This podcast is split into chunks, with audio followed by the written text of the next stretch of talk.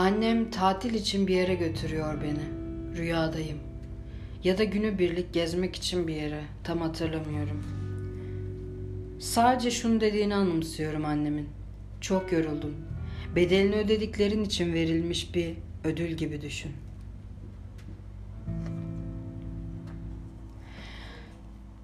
Daha önce bu kadar yeşil ve bu kadar mavi bir yeri tanımlamamı isteselerdi cennet derdim küçükken. Büyüdükçe gördüklerime olan inancımı yitirdim. Bir çocuk var, garson sanırım ya da görevli biri. Şu an bile gözleri gözüme batabilir kirpiğimi kımıldatsam. Daha önce bana bu kadar yakın ve bu kadar yeşil gözler görmediğime yemin edebilirim.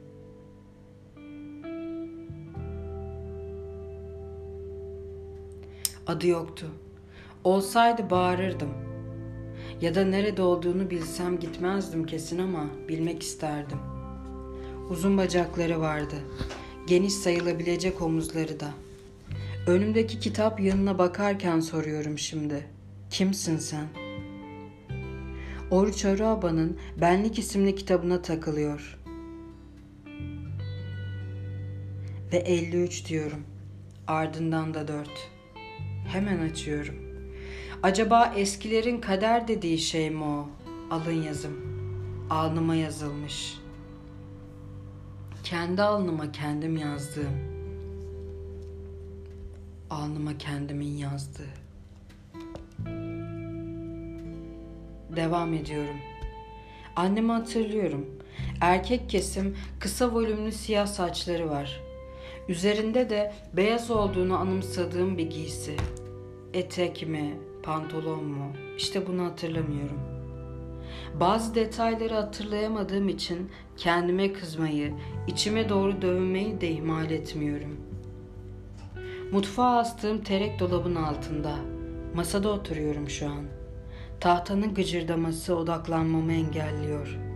Kahve fincanının üzerindeki üç lekeye bakıyorum. Üç kahve damlası. Dudaklarımdan süzülüp bırakmış kendini izdiye. Üç yol anımsatıyor. Biri içime doğru devrilenlerden. Diğer ikisi Korelileri andırıyor. Kore ile hiçbir alakam yok üstelik. Tenimin bile. Şu an bulunduğum masadan annemle oturduğumuz masaya ışınlanıyorum. Yani zihnimden. Yoksa ışınlanamam ya da ışınlanmam için gerekli tüm jeneratörleri yapmıştır devletler. Eski sevgilimden ayrılalı yani sevgilim eski olalı üç gün olmuş.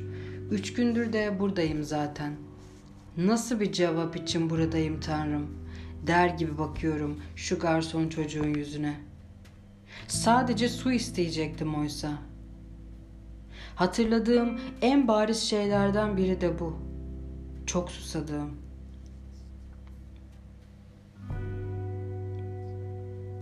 Annem masaya davet ediyor garsonu. Normalde böyle bir şey yapmaz. Zaten neden yapsın ki?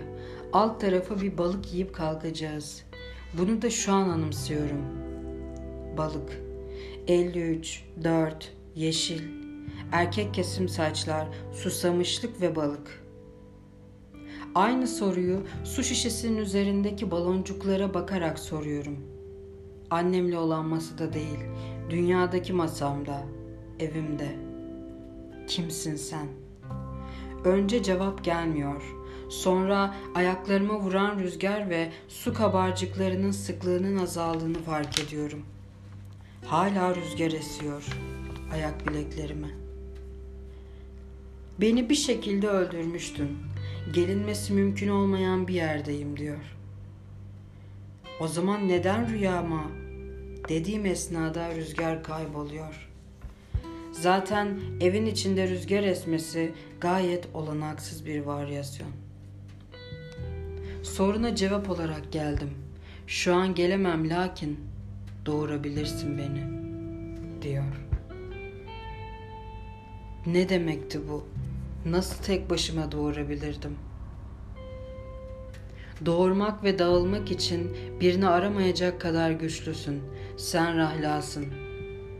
Rahlaların mümkünatların yitirildiği anlarda uzuvlarına kan akışı sağlamak gibi şeyleri bulunur. Şeyden kastı özellikti sanırım. Peki rahla ne demek? Gerçekten bilmiyorum. Hemen internete açıp bakıyorum. Teslim edilen kargolarımın bilgilendirme mesajları ve playlistin sırasındaki şarkı gözüme çarpıyor. Rüyanda görsen inanma. Şarkı şöyle başlıyor.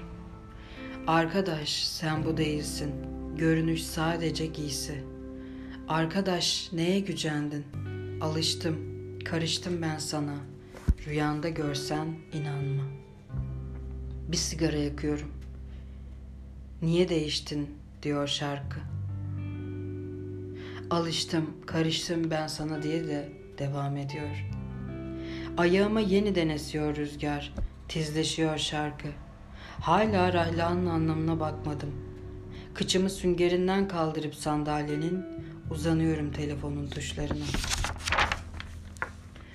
İnternete rahla yazmamla birlikte şu sonuç çıkıyor. Gevşek. Aramaya devam ediyorum. O güzelim çocuğun bana gevşek demediğine eminim. Bunu demek için mi girmişti rüyama? Ne kadar kibar olduğundan bahsedecektim az sonra. Bir miktar bozulup sigaramdan bir duman daha çekiyorum. Gevşek dediyse de bunu neye binaen söylediğini bilmek için tüm ansiklopedileri tarayacağım. İkinci sonuç. Arkası beyaz, diğer yerleri siyah olan dişi koyun. Osmanlıca.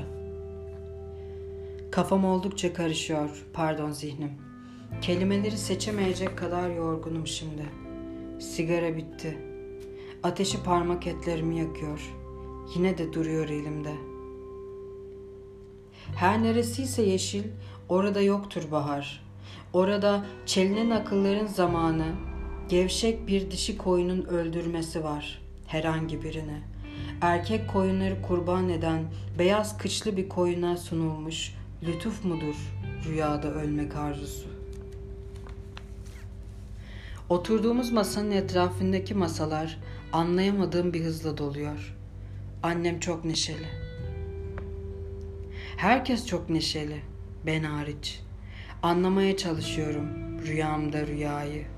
Masamızdaki garson çocuk ona ne diye hitap ettiğimi anımsamaya çalışıyor. Daha doğrusu ben anımsamaya çalışıyorum. İlginçtir ki burada kimse birbirine hitap etmiyor. Mekan var, insanlar, neşe ve pahalı kıyafetler.